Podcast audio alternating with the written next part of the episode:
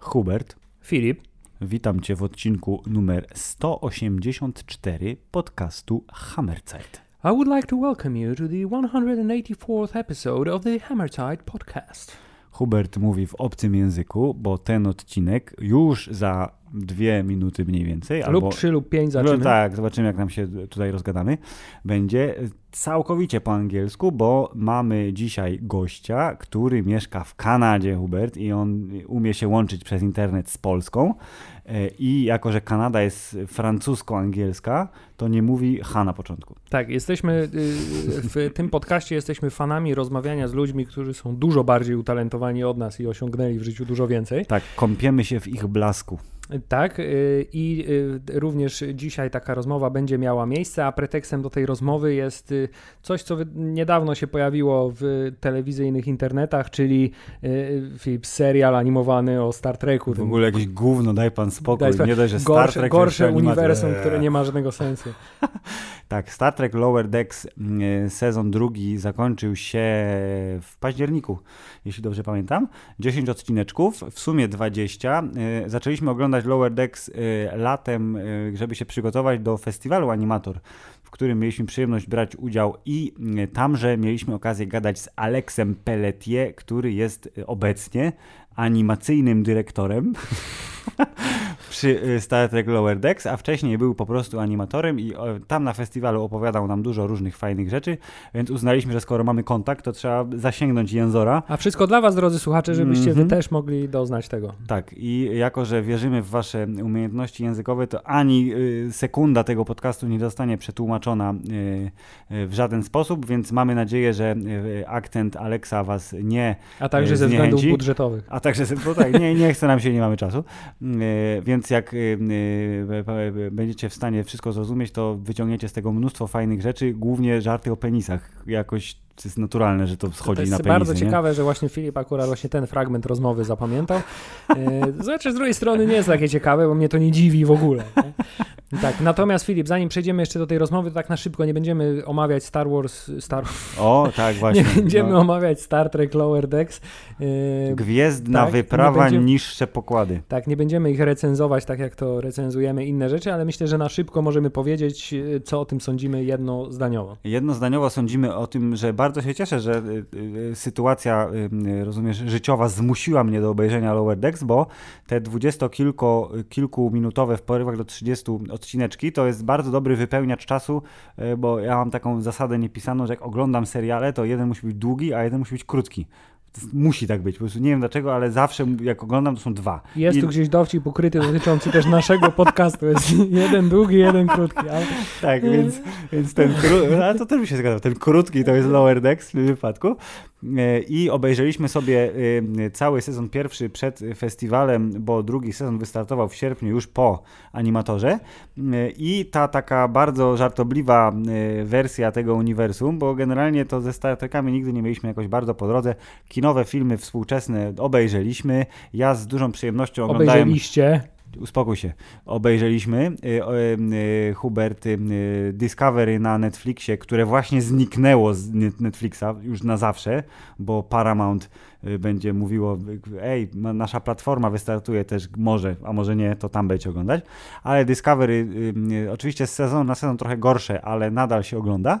To Lower Decks się pięknie wpisało y, w, ten, w to uniwersum, tylko w wersji komediowej, y, czasem trochę niegrzecznej, chociaż nie aż tak, jak to jest w przypadku y, South Parku, czy Ricka i Mortiego, o którym też zresztą mówimy Czasem, przez chwilę. czasem nie oszukujmy się tego mocno głupawej. Mocno, mocno głupawy, ale na przykład, jako że ja jestem, jak to się mówi, jestem cat person, to żart w sezonie drugim, jak pani doktor Tiana prosiła, żeby przywieźć jej totem płodności w kartonie, przy czym okazało się, że totem płodności jest nieważny i karton jest zajebisty, to mówię, o, to jest bardzo dobry żart. Puentą odcinka było to, że kot się tarza w kartonie. To tak, tego typu akcje są bardzo spoko, więc generalnie nie jest to rzecz wybitna i nawet przeczytałem, że y, scenariusz jest dużo lepszy niż animacja, ale nie chciałem tego mówić Aleksowi, nie, ale oceny nie, serial ma dobre, fanom się podoba. Ja, jako że nie jestem treki, to mogę z czystym sumieniem powiedzieć, że jest spoko, nie jest wysoko, ale nie musimy chyba tego puentować dźwiękiem. To jest moja osobista opinia. Tak, moja osobista opinia jest z kolei taka, że zaskakująco dobrze się bawiłem oglądając ten serial, biorąc pod uwagę, że ani miłośnikiem uniwersum Star Trekowego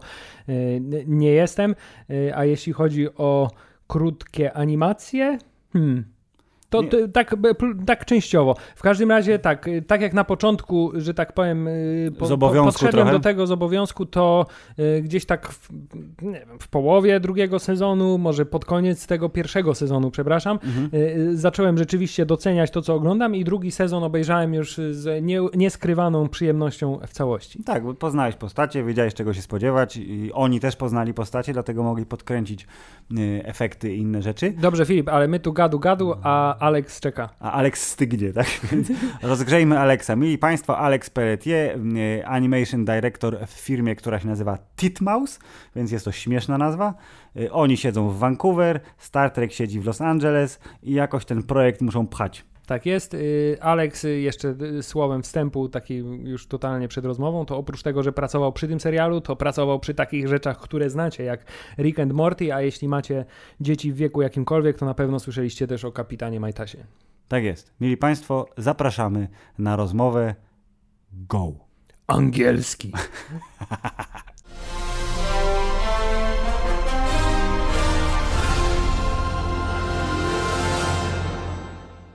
And right now, we have an intercontinental, super high speed, high quality connection with Canada, with Vancouver, with Alex Pelletier, who is an animation director at Titmouse. Hello, Alex. Hey guys, nice to see you again. Nice to hear you again, because uh, yeah, we've got a chance to talk. Yeah, we can you. see each other. this time we can't see each other. We got a chance to talk earlier on the Animator Festival, but the, this time uh, the, the, the the subject, the main subject of our conversation, I think, will be something that has happened very recently, uh, and by that I mean the second season of Star Trek Lower Decks, for which, as the end credits tell us, you were the animation director and storyboard artist as well. Uh, yeah, that's right. I did a bit of storyboard at the end of the season. Uh, just a few sequence, not a whole lot, because um, yeah, I needed to start in uh, as animation director. Okay, so uh, before we get into the meat of Star Trek, uh, the first question should be fairly simple, uh, and that is who is an animation director and how is he or she different from a regular director and a regular animator? Let's start with just animator. So animator would you would get a scene uh, with the characters and all of that, and your role is pretty much to make the acting the same way as an actor would do. As an animation director, um, I'm helping uh, on a technical level for animators that are not that don't yet have all the experience with the software or like just the animation in general. Uh, but also anything that is um, story uh, story beats in term in term of like as an animator they try to do the animation nice and everything but sometimes uh, they try to overdo it for a sequence that we need to keep really like subtle because like it's really emotional or things like that so i'm trying to guide the energy level of the episode the anim- the animation quality. Uh, so it's more of like guiding um, the style of the animation as well and things like that. So just to make the animation as good as possible. So usually animation director would be an animator that had a lot of experience that was doing like pretty good scenes overall like in his career and then he's just like put in a position where he's helping all the other animators to achieve that kind of level of animation. but do you animate yourself do you get to you know tweak the knobs. it, it's really rare, but I'm animating now, and I did animate. To be honest, like in season one, I did animate just one scene, and I did that just because I needed to make a, a tutorial for the rest of my team. Uh, and in season two, I didn't animate anything. I say that, and I, I didn't animate a full scene. So um, from beginning to the end, uh, the part I'm involved a lot is in retakes. So whenever we are done with the episode, we get a lot of notes from the the supervising director from LA and also from the client, Mike McMahan, and uh, all of um, the people at Paramount. So um, we take those notes and then we just reopen all the scenes that need any kind of changes, and that's a part where I'm I'm really involved.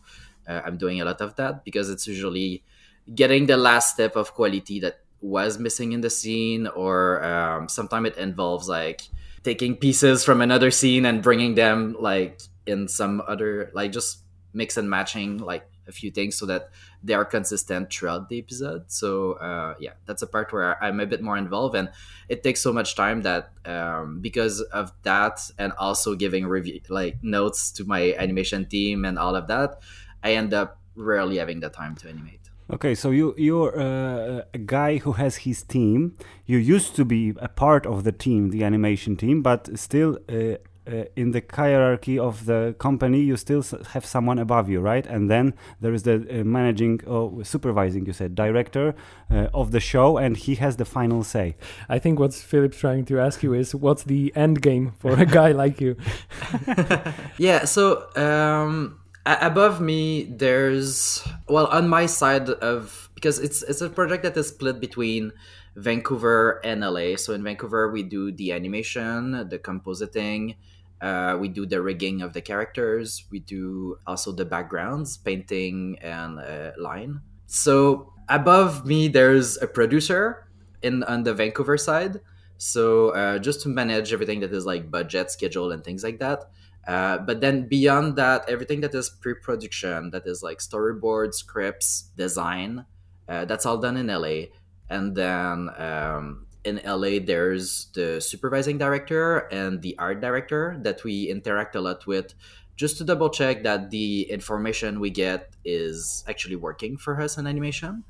Uh, Sometimes we would ask some design to be revised because they are uh, not optimized for animation, or sometime in the storyboard, uh, they always do um, a revision really quick at the very end of um, like a delivery for an episode, uh, just to get all the story beat like as good as possible. But sometimes because there's so many changes at the very end of like the work process for a storyboard um, there's a lot of hookups issues that starts to appear or there's like uh, this drawings were done a bit faster so then they're um, it's hard to tell which character was drawn or something like that. So when that happens then uh, we do have meetings with them to just clarify some of some of the parts of the episode just to make sure that uh, everything's done right and everybody's happy in the end. And then even beyond that um, there's uh, mike who's the showrunner and writer main writer of the show. Um, so he as always like uh, he gives kind of is a is called on everything that is like even design storyboard uh, like the animation on every single step of like the process mike has a say and i think it's like he also has a vision for the show and um, that's really important for him to yeah to have his his word on everything I think. And uh, and as an animation uh, director, uh, do you have like a uh, say when it comes to uh, storylines, character development? Is is there something that, uh, or is it just uh, like more of a technical approach on your part? For example, are there any scenes in the lower decks that you could say, "Hey, that was that was my idea. I came up with that." Um, we do sometimes suggest small ideas. It's it's never nothing big. We can't like change anything that is in term of a line a character would say or anything like that. Um, that that's something that we really trust the writing. It's it the writing on the shows is really really good so we don't try to change anything in that sense but sometimes it's a it's more a visual thing or acting thing or a timing thing so to give an example in season i think it's season one so when they were going to, to meet the Gelrakian, um, they were going to offer um, a crystal but then they open the box and it's it's a lug and then um, a bit later in the episode there's the big fight going on and um, in the boards the character was getting it was Vendome. He was getting a spear in the crotch. Uh, but the spear, because they didn't wanted like blood or something, I, I can't remember what was the reason behind it, but it was a weird spear that had like a kind of a round ball, like a pouch at the front. and then um, when we saw that it, it was that matching with the other design of the spears and then we were like why would there be just like one different spear for that scene? And then someone in the team suggested just like oh what if we use the lug which is a fertility like totem or whatever? So why don't we throw that in the crotch, which like kind of I don't know, like throwing a fertility thing in the crotch of a character. I know like, a good penis joke funny, is always so, good. yeah, so we went for that, and then it was a really good suggestion, and uh, so there's little ideas like that that we can like suggest, but it's nothing not in terms of like rewriting or anything. There's been other occasions where like we just played with the timing of a scene to add like awkward silence and things like that to just like make moments fun- funnier. So it's more uh, on that level. Uh, but before you worked on um, Lower Decks, the one show that is, I think, most interesting to our listeners is Rick and Morty. You had the opportunity to animate stuff on season two of the show, and it was already an established brand. Rick and Morty became really popular during season one, and uh, were you a viewer? Did you like the show and then thought, "Ooh, I can work on that. That's great." I had friends that worked on season one, and at the at the time, I didn't knew what it was, uh, but they told me about the project, and I was like, "Okay, I'll look it up." And then as soon as I saw season one, yeah, I was like super into it, and uh, I was kind of lucky because this show, just in the way they write the show and everything, the creator needed always kind of a break between season um, because they are involved in so many projects. So it kind of gave me the time to move to Vancouver and like I've worked for another company at first. I worked for Atomic Cartoon and Pirate Express first and then then I heard they were recruiting for season 2 and then I applied and I got I got a spot which I was pretty like uh, lucky and happy about. So Okay, and what uh, was the hardest or weirdest part to animate on Rick and Morty and uh, as well on Star Trek? Do you have like, you know, do you remember a certain scene uh, or a gag uh, that was cool but tricky? Uh, so there's uh, there's so many. Um, so there's one uh, that was tricky for me to animate. there was like Rick on a paraglider that was just like flying in the sky in the sky naked and then uh, just the the change of angle and everything it, it needed to be really uh, three dimensional kind of in the sky so that was one that was tricky. And then there was a, a funny thing about this one where um, my animation director at the time we were talking about it because in the design they just put um, a really tiny oh, was he i can't remember i think either he had a really tiny dick or he didn't add a dick at all and then I, I did suggest to my um, animation uh, director to see if we could like get a bigger dick so that it's like waving in the wind. And then we went for it because it was gonna be pixelated anyway but i was like we are gonna feel the pixels moving. And then we went for that and yeah it's it, it was funnier. Like we anyway we had a good laugh at the studio. And then um, there's another scene uh, where jerry is like shooting um, a lot of worm jerry and then he's getting attacked and that scene had a lot of characters and uh, it was a bit complex but it was i really like i think it's one of my favorite scene i did uh, on the show just yeah because it looks so cool. A crowd is and always then, nice to look at. Yeah I, I, I really like it's it's fun working on scenes like that. It takes you forever. It takes you like a week to do 50 frames or something like that which is like not manageable for like a whole show. Like you can't do that level of quality for all the scenes but uh, it's really nice to have the opportunity to work in on something like that. Okay, but, and, but let's uh, return to the dick part because that's there's that's a that's a question that we were uh, uh, storing up for later, but uh, I think the, the, the occasion came to to use it now. So uh, you mentioned that you added a pixelated big dick to one of the characters. Well, in season two of Star Trek Lower Decks, there are a couple of nude scenes. Uh, especially uh, the one that stuck with me was the one uh, when they were having all those tests and trials, and and one of the tests was that the the whole crew lost all their inhibitions, and and and the ending part of that scene was when Boimler was like spread out on a on the floor, yeah, on the floor or somewhere, and and showed yeah. all of his goods. And and I couldn't help but wonder, uh, was it all drawn first and then uh, censored, or, or or did you just skip that part? Yeah, is he like a Ken doll or is he real? so I think for lower deck, uh, lower decks, we tried to do uh, something a bit more like there's a different range from compared to Rick and Morty. Rick and Morty can be a bit more graphic, I feel, in that sense. Uh, as for Lower Deck, we try to make it just slightly more uh, family friendly.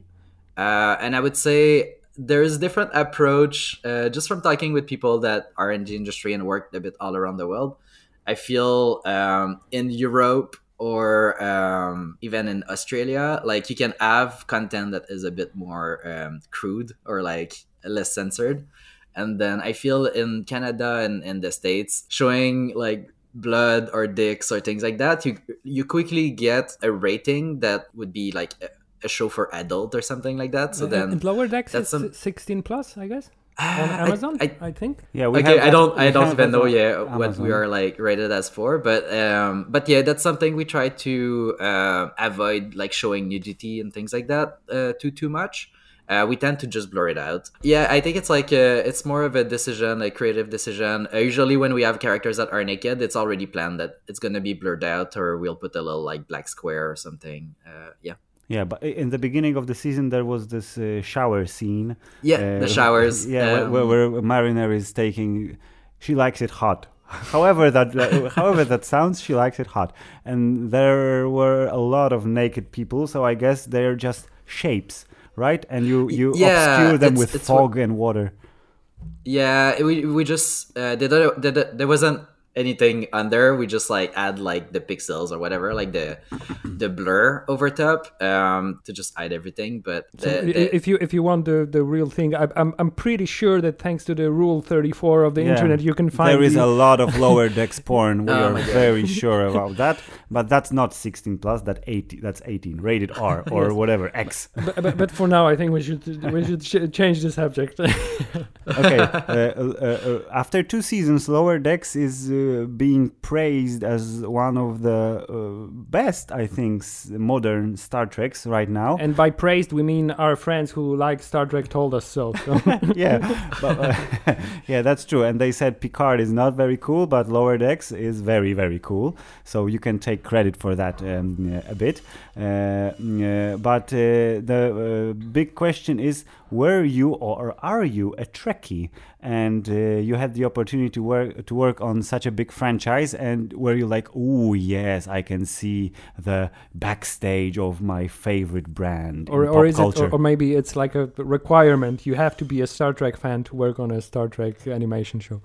it's totally it's not a requirement. Um, I feel it's nice to have a range of like people that know the show and people that that don't because it gives different um, point of view on the on the show. Because there's a lot of things that oh my god, there's a range of fans. Like there's people that know so much about the show. Um, I know a tiny bit. I grew up with TNG, but then I didn't watch the show for like many years because I didn't add cable for many years. And then working on the show, I started right from the beginning of TNG, and then uh, now like I'm at the end of DS9, but I've I'm trying to like watch pretty much everything I can from Star Trek to just be aware of the lore, and I also enjoy it quite a bit. But um, like a lot of people ask the question often like are you more of a star trek guy or a star wars guy and then i, I started more like i grew up uh, liking star wars better and then now because of the show i've been working on and like i've forced myself to watch more of it um, i really like star trek better now it I, it grew on me I know, I know Um, why. Because your paycheck says "live long and prosper," right? Uh, it does help. No, uh, it's, honestly, um, I, I think I, I like comedy a bit better overall. And then uh, Star Wars doesn't go often there. And then uh, Star Trek, just because it's been a TV show, it's not like movies. There's more content, and there's been episode depending who writes the episode that have much funnier. I really like all the holodecks episode and like one of my favorite favorite episode is like when um, Jake and uh, Nog are in the Deep Space Nine station and they're just trading a lot of things with other people in the station to just try to make like a good deal of for money and everything. And then it's just like a nice episode that has also a kind of lower deck vibe. And uh, yeah, that's one of my favorite ones. So when we're talking about episodes and the holodeck episode, I wanted to ask: at the festival, you said about uh, the, holodeck episode being one of your favorite, and it was a, uh, like a specific thing that it takes. Uh, place in uh, the action takes place in one area but it's virtual so you can take it anywhere and you know try out different styles. And then in season 2 there's the episode uh, i think it was episode 9 where we get to see lower decks on different ships and uh, it's also like a, like I don't, I don't know what word to use, but I, I'll say cluster episode, whatever. it's a bit different than uh, the other ones, and I was wondering, is it going to be a tradition? And uh, was this episode nine a part of you know, mm, let's show something other than you know crazy adventures on different planets? Yeah, I don't know about too too much the intention there. I I did hear from fans and like people after watching the episode saying like episode 9 and 10 did feel a lot more like actual like Star Trek episode. That was something that I was going to say as well because because I didn't watch much Star Trek. I got to be honest with you, but uh, somehow these two episodes uh, felt like like the the TNG episodes that I watched when I was a child. Yeah, I, I think it's like it's something that the the writing team is aiming at, and like that's just something that we work I think towards, and that just uh, gets achieved over time. I mean, there's been so much of uh, TNG and uh, DS9 and so on that they didn't like end where they started. Like any kind of TV show, you start you figure the show as you make it in the first couple seasons, and and I feel like the more we progress, the better the show gets. Um, so I'm I'm really looking forward to like everybody to see what's coming up for season three, but I can't talk about that yet. Maybe maybe we'll squeeze something out of you at the end. But for now, I wanted to ask. So, uh, just to continue on the same subject. So, uh, uh, what was the difference for you working on season two as opposed to the first season of of, of Lower Decks? Uh, so the first season is challenging for many things. We do get a lot more notes. Uh, there's a lot lot of work involved. Um, we are trying to like figure out what the characters are going to look like um, how do we like set up the the rigs for how the characters are going gonna move and things like that. And then uh, just the style like season one it's been there was a big um, a, a big process of uh, error and trials and things like that where um, we did start trying to make things more graphic and simpler uh, we wanted the backgrounds to also be simpler so that when a character grab an object, it doesn't feel like Scooby Doo, where like it just change like there's like texture you, you, on the you, phone, but then as soon as the yeah, you can see that this part is going to move. so. Yeah, yeah. So we we did try to avoid things like that. There's a lot of like I don't know the the the process of like how we plan the show and everything. It's like it's nice in theory, but then you get to the practice and then you realize there's other like problem that comes uh, from it. So one thing that happened is the first, I would say, almost like six or seven episode. The level of details of the backgrounds, of the lighting, and everything was too simplistic. And then as soon as we hit episode seven, I think we did push it a bit more for that one. And then because we did that, um, then Mike was like, "Oh no, this is this is what I want." So we needed to actually. Uh, I think we did go back to the first episode uh, and then revised all the episode to match kind of the, that approach for the lighting and the compositing and um, so you already made a remaster of your show before it aired. Yeah yeah pretty much. So um, season one was challenging on some uh, some of those aspects uh, but it's it's part of it. Like you just try to figure out the show you try to get it as good as it can be. Um, so yeah yeah, and but then again, the season two because sort of like up. I think up the ante on the technical aspect as well, because you've got a lot more characters, you got a lot more locations, you got a lot more action than in season one, I would say, and some 3D stuff as yeah, well. Yeah, and, and and I think the 3D got is also uh, a bit more complicated in the in the second season. So so from a strictly technical uh, standpoint, like the second season would seem to be much harder to to animate. It, it was it was yeah more challenging, I would say. Uh, yeah, the, the, show's getting um, more and more complex, I would say. Um, we do have uh, a lot of 3D uh, now in the show, and then a lot of different ships and so on. Um, but now the show is pretty much figured out. So at this point, if we do make a, sh- uh, a ship in 3D, we hopefully will be able to reuse it and things like that. There's a lot more reuse, but even that, it doesn't cover enough. Like when you say crowds or going to different planets or things like that, every time they go to a different planet, we need to design and build the rigs and like populate and animate all those characters. Uh, it's a lot of work. Um, so yeah, for sure, I think it. The team is getting used to the project. It's also yeah, I think it's like the scope of the project got bigger, definitely. Uh, and then everybody, everybody on each side of the like as much as like the the LA team, the Vancouver team, and I'm pretty sure the client also knows that the, the scope of the project got a lot more complex from season one to season two. Yeah, that complexity. I I think yeah, it, it's it's not going down. Uh, anytime soon. yeah, it should because you know you have to get better and better, and the competition is getting stronger and you stronger. You have to be like a shark. You have to swim forward or you and, die. And then you have to jump the shark yeah. and still be good. At some point, yeah. Yeah, still okay. But you're working on a on a franchise that has been established for many, many, many, many years, and uh, it's it's big. It's one of the biggest uh, franchises in, in, pop culture right and now. It, and it's also been established that it has one of the most devout and crazy fan base. Let's, yeah, let's... being a Trekkie is a is a religion almost, and not just being oh, I like the show.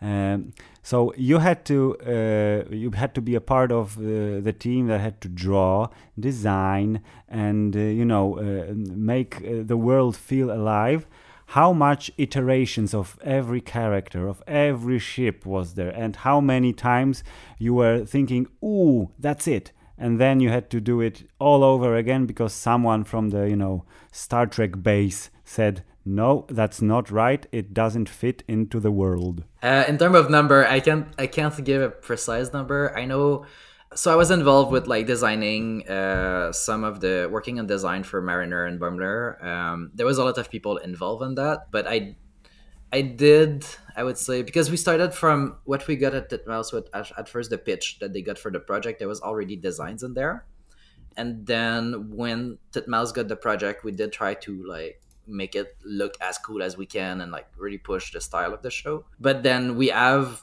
Titmouse works on a lot of indie project and like projects that are a bit out there, like that are like different in style than like a lot of projects that you would consider like prime time. Mm-hmm. Um, so at first we went a bit that route, and then we got we got back like at some point the client just had a design like the Mike was super into it. He liked the design we got, and then but it, then it's it's it didn't look as prime time as like if you look come compared to like The Simpsons, Family Guy, or like other shows like that, they all have like little things in comments that you look at them, you don't need to even know it's prime time. Just looking at the design, you, you would yeah, you would know it's prime time. So uh, that's something we needed to like go back to where we made the eyes a bit rounder and things like that, and um, and also at that point we were just working on really Boimler and Mariner. We were trying to just like get the style for them and then expand to the other characters after. Um, but then, yeah, I, those characters were like getting a bit um, further from the the pitch package that we got, and then we were asked to like get a bit closer to what we had at the beginning. So I had a pass where I just kind of redrew the characters from the pitch package, but in the way I just draw, and then. Um, they ended up being almost what we got in the end. Like uh, I did some rotation, rough rotations and things like that, and then in the end, I needed to start on uh, directing animation, and I think a different. Yeah, I was going to start on the Animaniacs at that point. So um, I did pass the design to uh, Marissa Livingston, who's uh, working in LA. She's the supervising, yeah, supervising character designer. So um, Marissa Livingston is like the supervising animation director. Uh, yeah. So Marissa Livingston is the directing. Damn it. yeah, we are keeping that uh, part. Yeah, we're keeping it. Yeah. Marissa Livingston is the supervising character designer. And uh, so she took the rough rotation I had and then um, she made them into like the final polished version that uh, ended up on the show. Uh, and even past that point, we do get the rotations designed from LA and everything, and then that get passed to Travis Wall in Vancouver, who's our um, build supervisor. And he does at that point when we need to do the builds and everything, we do still kind of change a bit the design sometimes just to make them efficient for animation. It looks nice like just drawing it, but then when you realize it needs to move, the shape doesn't quite rotate well or things like that. So this is really fascinating for me how complicated this process uh, can seem from the yeah, outside. It, it's a cartoonish spaceship. Come on, yeah, how hard can it be? Yeah. How long does it take to animate one episode? How long is the process? You know, from getting the script uh, uh, until getting the final twenty-five or thirty minutes. Well, from from the script to the end to the episode, like fully like rendered and mm-hmm. all like polished and everything, it's almost almost a year i would say. Like it takes quite a bit of time because there's so many revision passive revisions and like adjustments and tweaks that happens all the time. But there's every department touch the episode for like a really short amount of time. So let's say if we focus just for animation to do one episode uh, let's say all at Va- all in vancouver everything's done mm-hmm. at the studio and all of that. It takes about four weeks per episode with uh, 60 animators. So yeah that's that's a lot of people and it's yeah about a month so a lot of time as well. And that's just for like a 22 minute episode. But you guys work on many episodes simultaneously right? It's not like you do one yeah and... we we do have two teams. Oh actually no yeah i'm i'm wrong in my numbers. So we do have two teams and our teams to is it is a total of about like 60 people. It's it would actually be two weeks for uh, 60 people uh, to do an episode. Uh, but because we split them, then we have two teams of 30 people, and together, like um, we spread we spread the, the schedule a bit to have a month per episode. So every two weeks we do complete an episode in animation. Okay, so I gotta ask, uh, it's about that, but uh, let's say it's your competition and uh, you're a guy who knows this stuff. So I'm curious, what is your take on South Park? Because uh, before COVID, they did. Uh, uh, a short documentary that showed how do uh, they create an episode and it was called Six Days to Air. Yeah, because, because they, they yeah, strive to be really current with yeah, the episodes. So. Everything has to be current and all the jokes, you know, have to uh, be about stuff that happened during the uh, previous week. So they get a script on Monday and on Saturday the 22 minute episode is ready. How is that yeah. possible?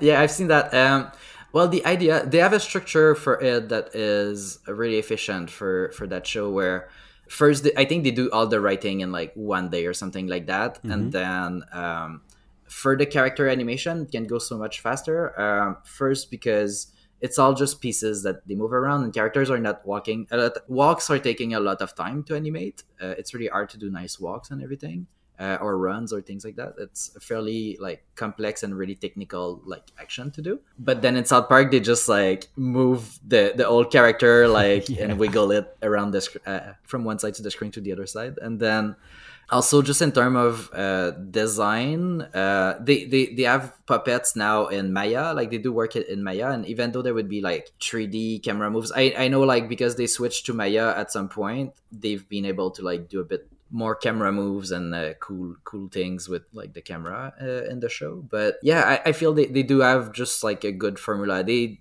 they go for really cheap animation which allow them to work a lot faster. Um and I, I don't know how much people they have also hired on the show. That's another thing. If like if they have 100 animators like uh, I'm sure they can do quite a bit. But um, considering the quality of the animation, like the quality is good for what they are doing, but because it's so limited that the, the arms are not redrawn and bent and characters are like mostly just wiggling around, uh, I think that's where they win like so much time. Uh, yeah. Cool. Are you satisfied? Yeah, I'm satisfied. They signed like a gazillion dollar uh, deal a while ago for you know uh, 70 more seasons and 25 more movies. So I guess uh, that formula works. Yeah, I, I, remember the time when we used to make fun of The Simpsons because there were 20 seasons of The Simpsons, and now look at South Park. But anyway, I want to go back to the, the, the, the 3D part of the show because because uh, I find it really fascinating that that uh, the way the 3D animation and the 2D animation in Star Trek Lower Decks sort of blends, blends together. Yeah and then I was wondering how do you how do you do that? Because it, it always seems like you know two to me it always seems like two separate things. You either go 2D or you go 3D and 2D is more timeless. So how do you approach the animation? Do you start with a 2D or do you start with a 3D part? And how, how does that work? Uh, so yeah we do start with uh, usually the 3D for those scenes. Because Titmouse doesn't have a proper like 3D pipeline we do work in association with another studio. And then uh, they do all the the 3D for us, but we do uh, all the art direction for all of that. So Nolan uh, is working on that, um, and Barry a lot. Um, the are the art director and the supervising director. So they do work with the 3D studio just to get the the style that would fit with our characters, uh, to just get it like graphic enough that uh, it blends with our backgrounds and all of that. And then um, for us in animation, usually when we work with the 3D, it's always just in grayscale. It's just like gray play blast of the scene. Uh, that's all we need. We just need the timing, and then we do we do track like how characters move, effects moves with uh, the 3D. But is there is like Then, a, like uh, some uh, tricky way of, of doing that, or do you have to like go frame by frame and Ro- rotate the ship. yeah? uh, we we can't like it's already rendered at that point so we actually yeah just go frame by frame and just track everything on top of the 3d uh, so all the 3d scenes do require a tiny bit more uh, more work because uh, most of the show is done on twos. So for every let's say second we need 12 drawings. Um, but for everything that is a 3d scene um, we actually need to do the full 24 like drawings usually uh, so that they move on the same timing. So yeah. It's twice the amount of work every time Okay, and, and about the quality of the renders, uh, uh, I said that 2D is more timeless because 3D tends to age poorly if it's done, you know, quickly or whatever. Yeah, but, but, but even if it's done well and it fits the, the, the project at the time, then uh, sometimes when you look at it, uh, you know, after five, ten years, uh, even though it still, you know, fits the fits the the movie, it or looks whatever, cheap. yeah, Or, it looks dated. Uh, Yeah. and that's a natural process. Aren't you a bit worried? And is there something you like try to do to to to, to accommodate for that? Yeah, I think it's it's gonna be it's hard to tell now. Uh, I, I would say like if you look at Futurama when it came out, the ship looked right, and to me, and like there's a lot of show I grew up with, and like the 3D looked right at the moment, and now you look back and you're like, oh, it's obviously 3D, and it it looks 3D compared to the 2D or whatever, uh, or live action. Like you, you, there's always something that stands out but I feel 3D got so much better in the last couple of years that I, I, I don't know when we'll reach at some point. I feel that point where it doesn't age as much over time. It's just the technologies have been changing so much at the very beginning because 3D was really just a brand new baby born uh, technology. So Mhm. I I feel, yeah, just the 3D from a year compared to the 3D of the next year were completely different as like now I feel the progress in terms of 3D hasn't been as different from one year to another anymore. But yeah, I, I don't know what it's gonna what it means in 10 years from now. And um, like if you look back at just uh, yeah TNG or even DS9, there's stuff in 3D in there that you look at it and it doesn't it didn't age too too much. Like it's still like obviously 3D, but um, it fits it the show works or the within the context. Yeah. So yeah. And what is your personal preference if you get to watch someone else's animation? Do you tend to is it of course is it even a matter of choice? Ooh, I'd like that to be 2D, so I'm going to watch the whole feature of a 2D animation or 3D or stop motion maybe. I watch a bit of everything. Uh, I'm not like I don't want to limit myself to necessarily like um, like a medium or a style or anything like that.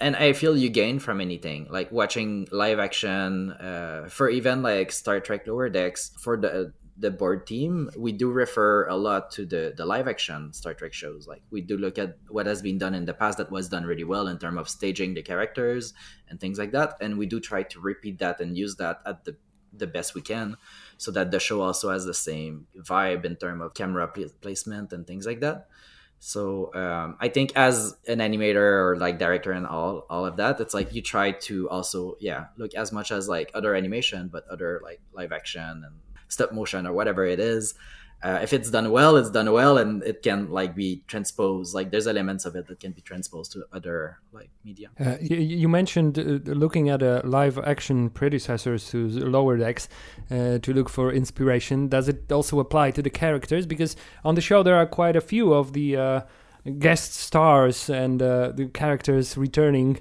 from the live action version. We got Riker, we got Q, we got Tom Paris, we got the Borg Queen, and how different is it to work on these characters as opposed to the ones you have to uh, invent yourself? How, how- Yeah, are there guidelines? Is there a guy in Hollywood saying, "Oh, she can't blink like that because that's not with in in, in or maybe or maybe the original actor himself has a final yeah, or say on herself, I, don't- I- it's not the way I want to be portrayed. Um, I'm I'm not sure how much like the actor would have a say on necessarily like how um, they are animated or anything like that. But I feel most of them they're just really excited about working on the project and like being involved in another like Star Trek project in a different style. But yeah, it's always it's always tricky because there's also uh, budget wise, it's like it costs a lot more to get guest um, guest actors. But then because it's all I, I don't know how Hollywood works, but like I guess there's like probably like actors union and things like that. So there's a rate that comes with it. But yeah, we we do try well as much as like if you look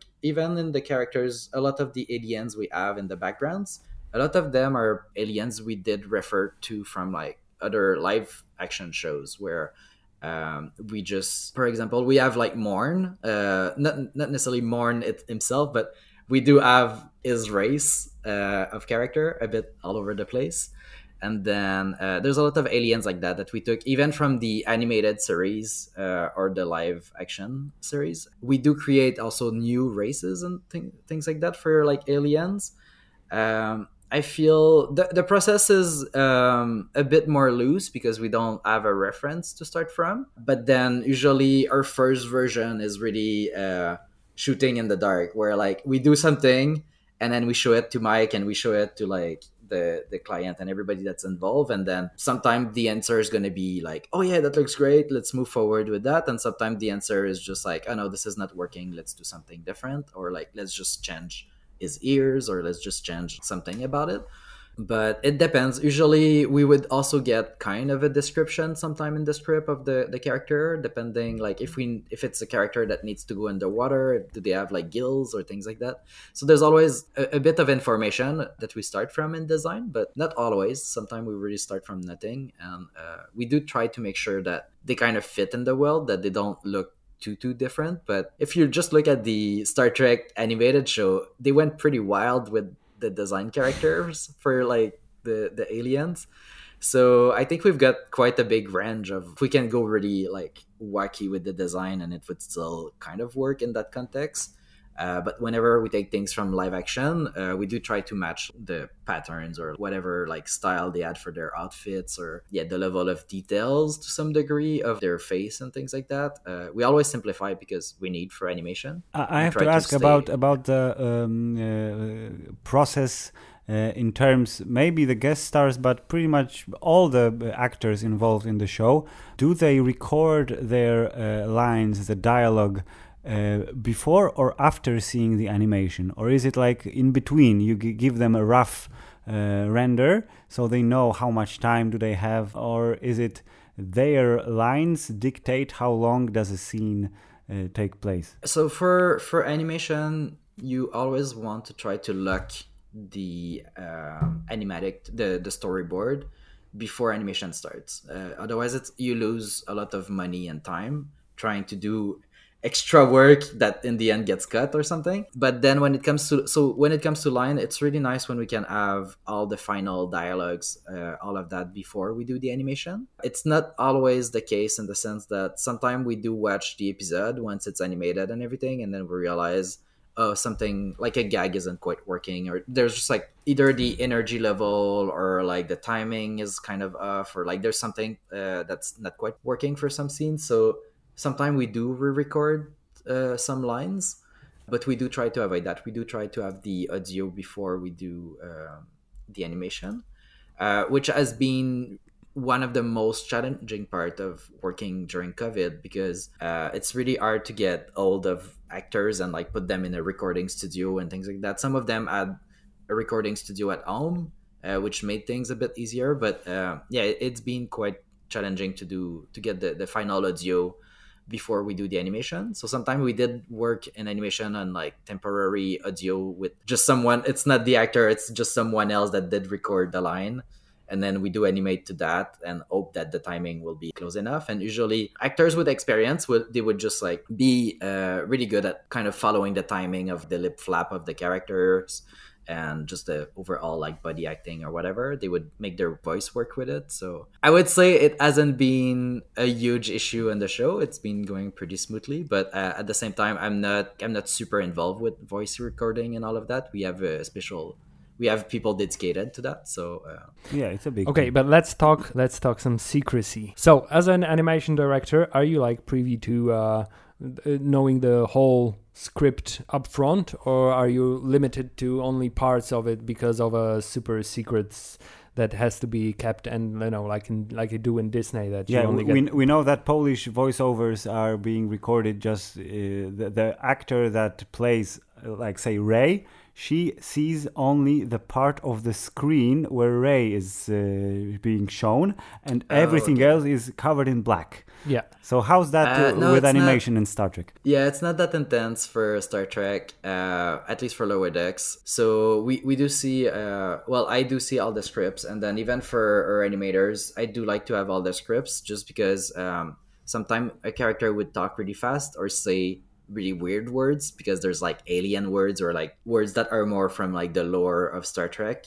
So it's important to have the script so that they can look at what kind of lip sync they need to do. As also we have people in the team that English is not necessarily their first language, so being able to like just read what the words are uh, definitely help us uh, in the process of doing lip sync. But also in in terms of uh, knowing, for me, it's like I'm try I try to usually read the scripts and like be involved as early on as I can, so I can help with maybe some decision that would impact animation. Anything that would that sounds really challenging and complex to animate, then sometimes I, I try to let the team know, and then uh, in the way it's boarded or in the way we animate it, we do try to have an approach that is really efficient we, we won't shoot ourselves in the foot like trying to do something that has like water everywhere or like if there's like a technical challenge just try to ap- approach things in the smartest way and if i can read the script early i can just try uh, to tackle the, those uh, challenge early on Okay, and if you find something that you say, okay, this